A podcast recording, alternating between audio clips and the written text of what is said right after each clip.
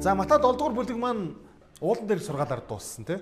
За ингээ Матай 7 дугаар бүлэг дээр Есүс хүмүүст шин сургаалыг өгсөн.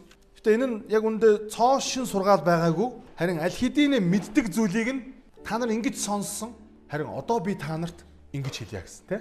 Юу гэж хэлсэн мөр хүмүүс маш олон хүмүүс өргөн хаалгаар өргөн замаар алхаж байна. Харин би та нарт хэлье. Нарийн замаар алах, нарийн хаалгаар ор гэсэн тий.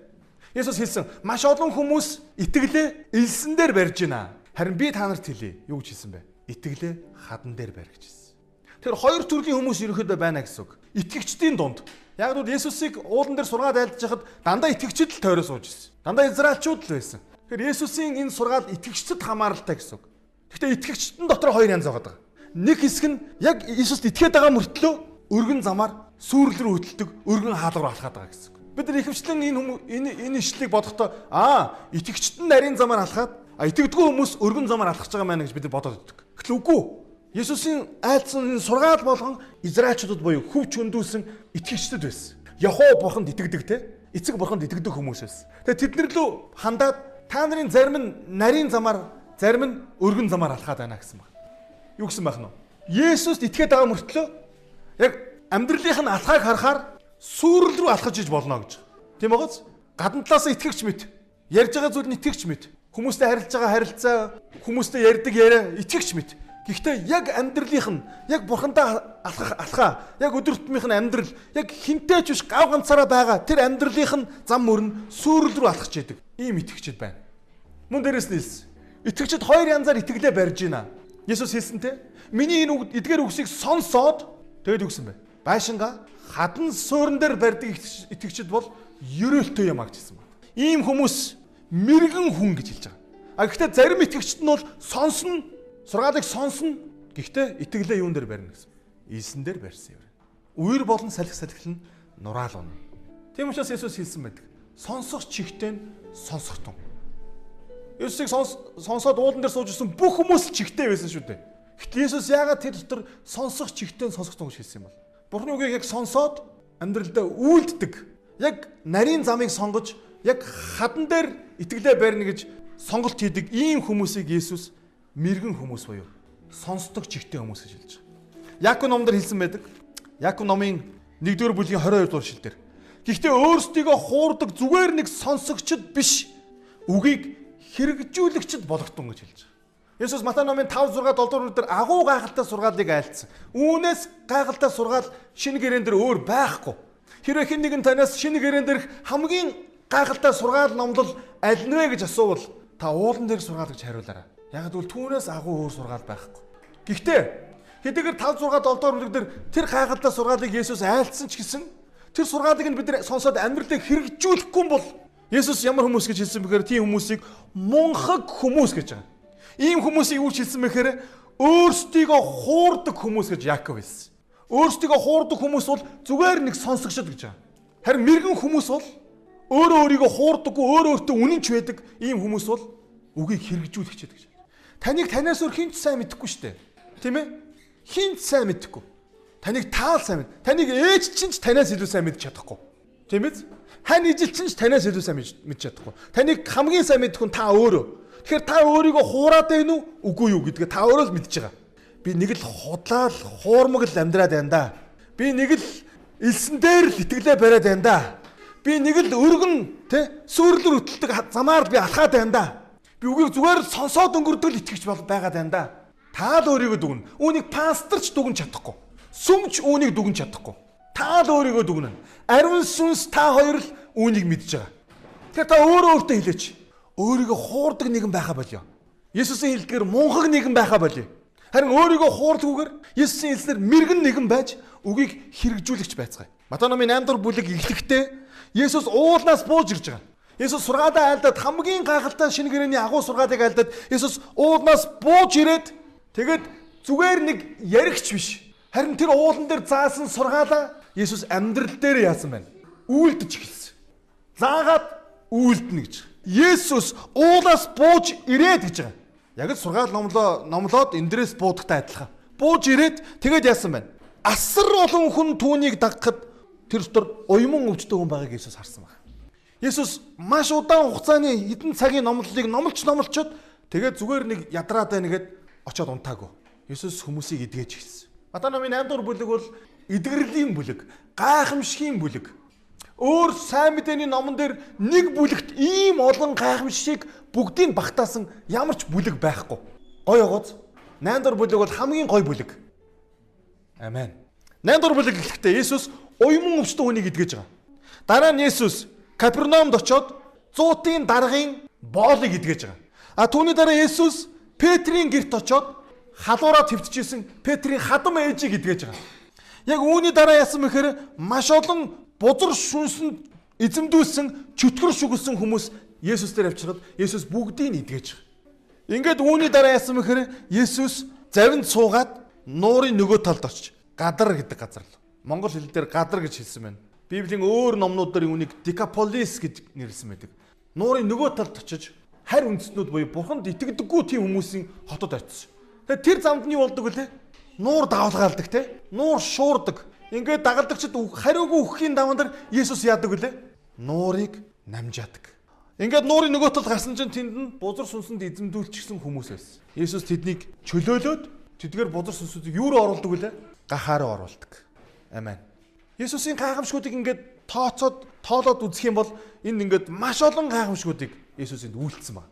Юу гэсэн үхээр Есүс зүгээр нэг яригч биш.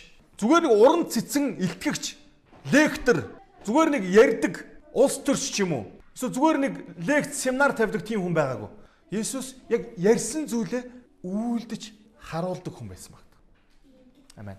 Эдгээр гайхамшгуудыг ингээд харахаар Есүсийг бурхантай зүүрлсэн хит хитэн шинж чанар харагддаг. Хамгийн ихнийх нь бүгдээр 8 дугаар бүлгийнхаа 2 3 дугаар ишлэгийг уншъя. Уйман өвчтөе нэгэн хүн түүн дээр ирээд өмнө нь сөгдөж эзэн минь хэрв та хүсвэл намайг цэвэр болгож чадна шүү дээ гэхэд Есүс гараа сунган түүнд хурч хүсэж байна. Цэвэрш гэвэ. Тэр даруй түүний уйман өвчин цэвэршжээ гэж. Есүс тэр ямар хүн ирсэн гэсэн бэ? Уйман өвчтөе ирсэн. Есүс энэ тохиолдолд За юу вэ? Уйман өвчтөн чи яаж идгэх вүлээ? Оо нөгөө нэг э, хуучин гэрэн дээр нэг түүх байдаг штэ. Нааман жанжин. Нааман жанжин идгэхдээ ямар аргыг хэрэгэлдэг вүлээ? Оо Йордан гол руу очоод долоон удаа болох. Есүс ингэж хэлсэн үү? Есүс хэлээгүй. Есүс түүний оронд юу гэж хэлсэн бэ?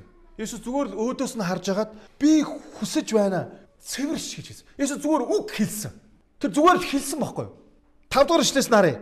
Есүсийг Капернаумд ороход нэгэн зуутын дарга түүн дээр ирээд түүнээс гуйж Эзэн зарц маань саан өвчин тусаад гертээ эвтэж сүрхийн өвдөн шаналж байна гэхэд Есүс би очиж түүнийг идгээе гэж хэлв.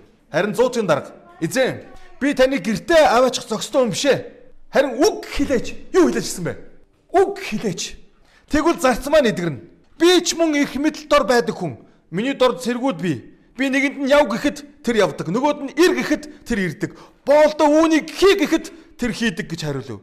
Есүс үүнийг сонсоод ихэд гайхаж дагаж явсан хүмүүстэй. Үннээр би та нарт хэлье. Би ийм агуу итгэлийг Израильд хинээс ч олоогүй юм байна. Та нарт би хэлье. Дорноос хийгээд өрнөөс олон хүн ирж Тэнгэрийн хаанчлалд Авраам, Исаак, Яаковтай хамт ширээнд суун. Харин хаанчлалын хүүгүүд гаднах харанхууд хаягдаж тэндээ уйлж шүдэ хаврах болно гэв. Тэгээд Есүс цуутгийн даргад замаараа яв чиний итгэсэнчлэн болог гэхэд яг тэр цагт нь зарцсан эдгэрчээ гэсэн. Есүс хамгийн ихний энэ 8 дахь бүлэг дээр гарч байгаа ихний хоёр гайхамшиг зүгээр л юу гарав вэ? Үгээр. Тэрээр үгээ айлтахад биелс. Энэ нь та нарт ямар нэгэн зүйлийг санагдуулахгүй байна уу? Энэ нь та нарт ямар нэгэн үйл явдлыг бодогдуулахгүй байна уу? Эхлэл номны 1-р бүлэг дээр эзэн бурхан үгээ айлтахад яаж исэн бэ? Тэр нь биелж исэн. Эзэн юу гэж хэлсэн бэ? Гэрэл би болог. Амен.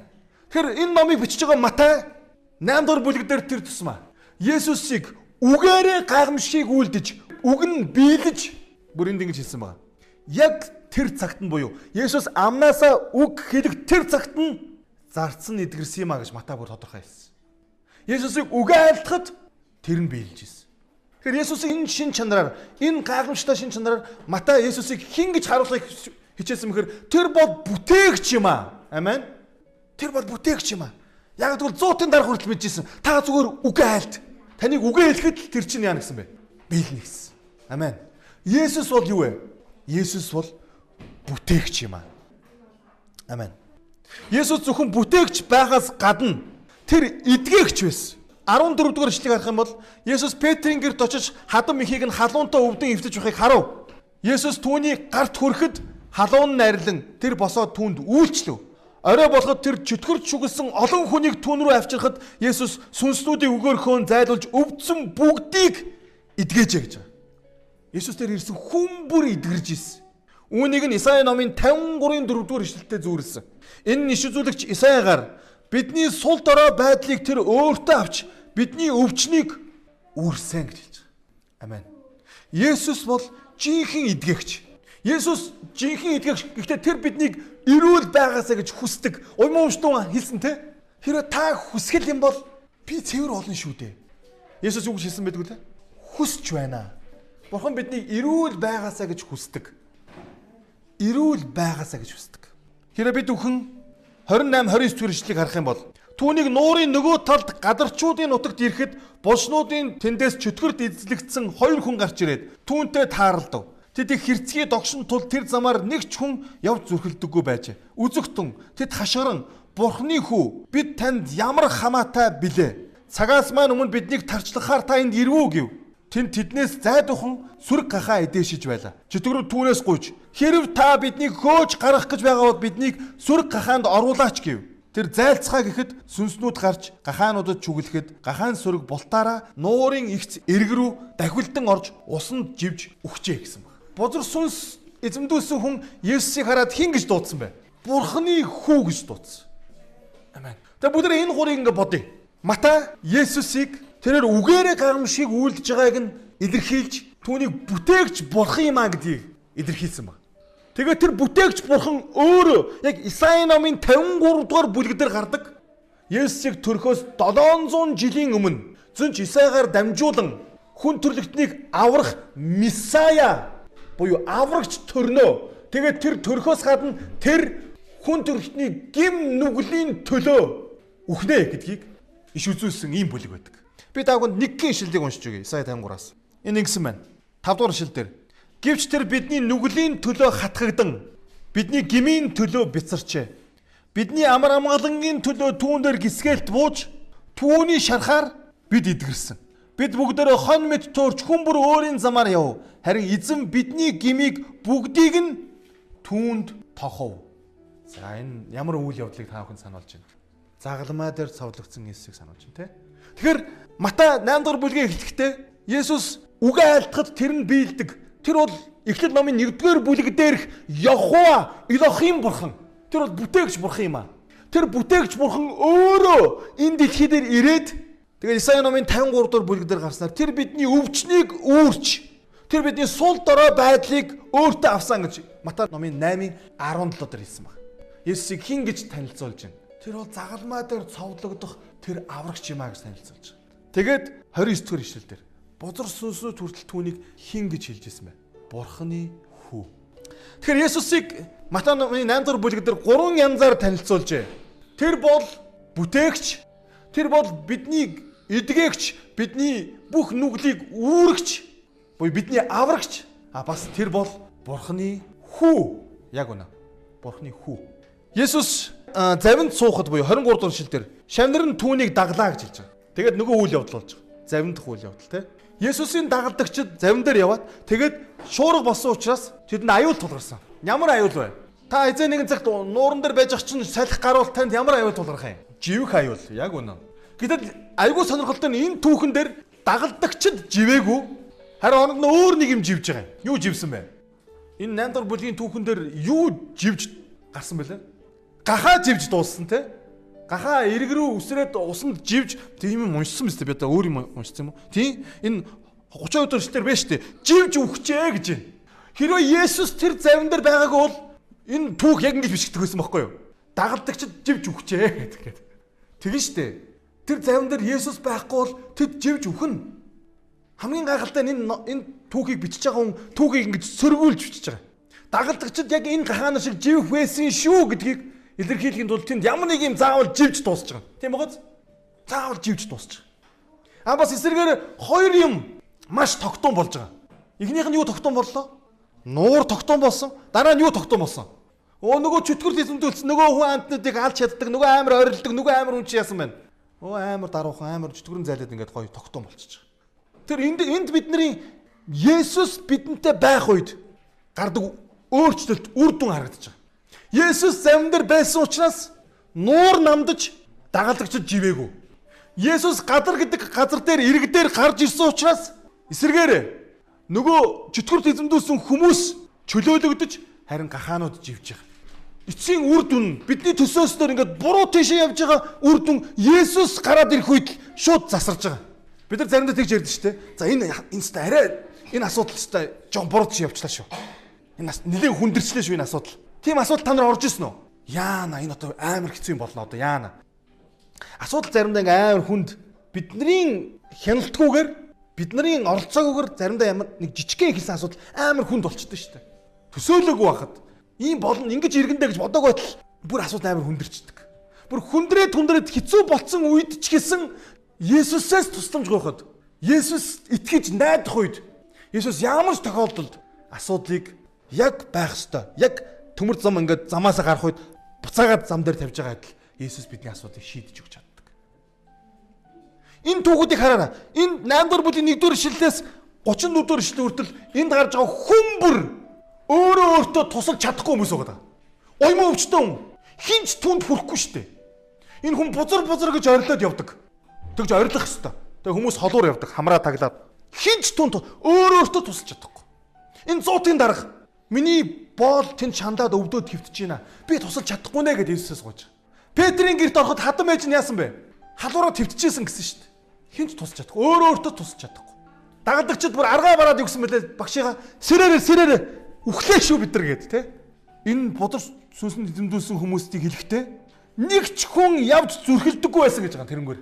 Хинч тусалж чадахгүй. Өөрөө өөртөө тусалж чадахгүй. Энэ найдвар бүгд дээр гарч байгаа Есүстэй учирсан хүн бүрийг харах юм бол бүгдэнд нь яг ижилхнийг шин шиндэг байгаа. Хинч туслахгүй бас өөрөө өөртөө тусалж чадахгүй хүмүүс. Гэхдээ Есүсийн уулдсан хүн бүрийн амьдрал яасан бэ? Өөрчлөгдсөн ямар ч хүнд хэцүү бүр адгийн бүр worst бүр worst worst worst хэмжээнд доошо орсон байсан ч гэсэн Есүс асуудлыг нь шийдэж өгсөн. Амен. Халелуя. Өнөөдөр бид нар өөрсөөсөө асуух хэрэгтэй. Үнэхээр таны завин дээр Есүс байна уу? Үнэхээр таны амьдралын завин дээр Есүс тантай хамт байна уу? Би сагаад номлын өмнө хэлсэн. Бид өөрөө өөрсдөө хамгийн сайн мэдэх хүмүүс. Мөн хоригдлын итгэлийн амьдралын завин дээр Есүс байгаа үгүй гэдэг би өөрөө мэдж байгаа хамгийн. Яг үнтэй адилхан танихыг таал өөрөө сайн мэднэ. Манай жаргалмаа маань 18 дахь ишлэгийг уншсан. Би энэ баг бүх ишлүүдийг уншичаад одоо 18 дахь ишлэгийг уншаагүй орчихсон байгаа. 18-ыг бүдэр харъя. Есүс олон хүн өөрийг нь тойрсныг хараад нуурын нөгөө тал руу явахыг тушаав гэж байгаа. Есүсийг маш олон хүмүүс тойрсон. Нэгэн анзаарсан чинь үе олон хүмүүс Есүсийг тойрчсон байсан. Тэгээ Есүс тэр бүх хүмүүст ямар ч чод өгсөн бэхээр нуурын нөгөө тал руу явцгаа гэж хэлсэн. Хүмүүс яасан бэ? Нуурын нөгөө тал руу явсан. Яг би энэ нууран дээр өнгөрсөн 10 сард очисон л доо. Маш том нуур. Нуурын нөгөө тал руу явна гэдэг бол бас ингээл тойрол удаан алхан те явна. Гэхдээ би бүхэн 23 дугаар ишлэгийг харах юм бол түүнийг завинд суухад шавнар нь түүнийг даглаа гэж хэлж байгаа. Хэн даглаа гэсэн бэ? Шавнар нь түүнийг даглаа. Үе олон хүмүүс нуурын нөгөө тал руу ингээ цуваад бөөнөрөө ингээ алхаад явж хагаад шавнар нь тэдний дунд байгаагүй. Шавнар нь Есүстэй хамт байсан. Шавнар нь түүнийг даглаа гэж хэлж байгаа. Монгол хэл дээр үүнийг зарим тохиолдолд ингэж орчуулсан байдаг. Дотоод холбооныхан. Дотоод холбооныхан гэдэг нь юу гэхээр нэг юм бидэрт яг нэг юм хүрээлэл байдаг те. Та өөрийгөө нэг цэг гэд төсөөлөөд таны хамгийн ихний ойрын хүрээлэл тойрог юу вэ? Таны гэр бүл. Зөв үү? За тэрний гадуур хүрээлэл нь юу байх вэ? Аа найз нөхөд ангийнхан чинь ч байд юм уу те? Сүмийнхэн чинь ингээл орж ирнэ. За тэрний дахиад гадуур хүрээлэл нь байх вэ? За нэг танилууд те? За нэг холын хамаатнууд ч байд юм уу тийм хүмүүс. За тэгээ тэрний дараагийн хүрээллүүд байх вэ? Аа Facebook найзууд. Уул нь амар friends те. Гэхдээ яг энэ friend биш те. Уул нь friends гэ. Би одоо 1500 гаруй friendsтэй. Гэтэ бүгдээрээ баг friends биш. Хүнд ингээм хүрээлэл байдаг. Тэгэхээр Есүс хэрвээ тэр цэг юм бол Есүсийг хамгийн ойрхон яг ихний хүрээлдэг тэр тойрог нь хэн байсан бэ? Шавнар нь байсан. Дагалдагчд нь байсан.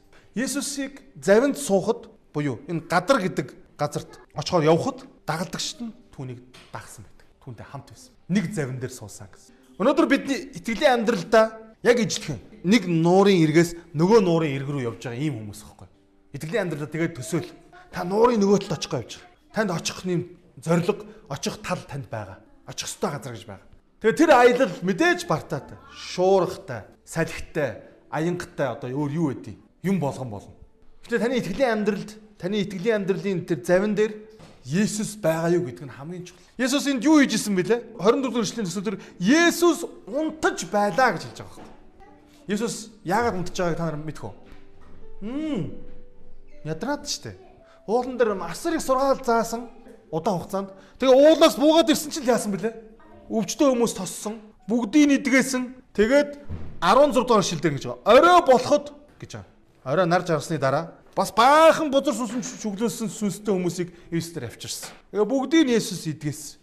Ингээд шүн болж байгаа юм баг. Ингээд шүн болоход Есүс за нуурын нөгөө тал руу явъя. Ягаад гэвэл тэнд бас уулзах, эдгэх миний учрах хэвээр юм байгаа. Ингээд Есүс ядарсан учраас тэр замд унтсан байгаа. Заримдаа бид бүхэн яг нэг ийм үе ирдэг. Завин дээр ганцаархнаа байгаа мэт. Есүс байхгүй мэт. Тэгээ итгэлийн ахын төсөв би та бүхэнд хэлмээр. Есүс яг байх ёстой газараа тэнд унтчихлаа таяг үхэлд ойрцсон мэт. Таны амьдралд асуудлаа шийдэж чадахгүй мэт. Хинч таны асуудлыг зөв тал руу сайн сайнаар дуусгаж чадахгүй мэт. Ийм мэдрэмж танд төрж магадгүй. Тэгээ нэг зүйлд итгэлтэй байцгаая. Есүс яг байх ёстой газараа унтаж байгаа. Есүс таны завин дээр тантай хамт, тантай цуг байгаа. Амен. Түүнд итгэх хэрэгтэй. Тэгээ нэг зүйлийг бид хизээч эргэлзэж болох. Есүс байгаа цагт бүх зүйл сайн сайхан болдог. Өөрөө өөртөө тусалж чадахгүй. Өөр хинч тусалж чадахгүй байсан хүн болгонтой Есүс 8 дахь бүлэг дээр уулзаад тэдний амьдралыг өөрчилсөн. Тэгэхээр би тавхнаас асууя. Та үе олон хүмүүсийн дунд алхаж явна уу? Эсвэл та шуурхтаа ч гэсэн, салхитай ч гэсэн, бороо орж байгаа ч гэсэн, хав харанх уу, сүүх гээд байгаа юм шиг ч гэсэн Есүстэй цуг завин дээр байгаа юу? Та хаана байгаа?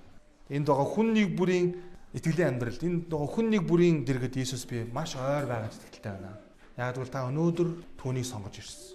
Яг бол та өнөөдөр би завин дээр байгаа. Би Есүстэй хамт байгаа гэдгээ та гэрчилж та эзний өргөөнд ирсэн. Тийм учраас эцсийн үр дүн тааж ихгүй. Тааж ихгүй. Та хүрэх газараа хүрнэ гэсэн. Хамтаа залбирцгаая. Эзэн бурхан минь Матай номын 8 дугаар бүлэг маш гайхалтай бүлэг. Матайн сайн мэдээний төлөө талархая. Энэ номыг бид судалж байгаадаа баяртай байна. Энэ 8 дугаар бүлгийн төлөө талархая. Та бидний амьдралд эзэм сайн сайхныг айлтахад тэр нь биелдэг. Ягаад гэвэл та хизээж муу мухайг бидэнд төлөвлөдөггүй.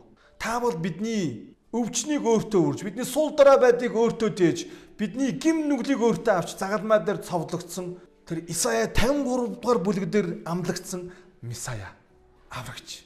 Тийм ээ та бол Бурхны хүү. Эзэм минь та зүгээр нэг уулан дээр яриад өнгөрдөг. Зүгээр нэг эндэр дээр номлоод өнгөрдөг ийм номлогч байгаагүй.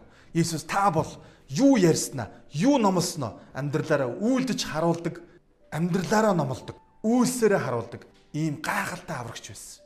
Тийм учраас өнөөдөр бид бүхэн таны үгнээс суралцж байна. Өнөөдөр бид бүхэн амьдралдаа шийдвэр гаргаж байна. Бид үнэхээр үе олон хүмүүсийг дагаж яваа юу? Эсвэл үнэхээр таны хамгийн ойр дотны дагалдагч байж тантай хамт завин дээр цуг байгаа юу? Бид өөрсдөө хэн бэ? Бид хаашаа явж байгаа гэдгээ, хинтээ явж байна гэдгээ энэ өдөр өөрсөөсөө дахин нэг асууж Тэгээд бидний итгэлийн амьдралын завин дээр Есүс та байгаа гэдэгт бид дахин нэг удаа итгэж, дахин нэг удаа талархахыг хүсэж байна. Есүс та тун утгагүй дэлхий дээр ирж тэгээд биднийг нуурын нөгөө тал буюу бидний мөнхийн устаа та байж болно. Есүс та хурдан ирээрэй. Энэ бүгдийг таны ариун нэрээр залбирanгуйлаа. Амен.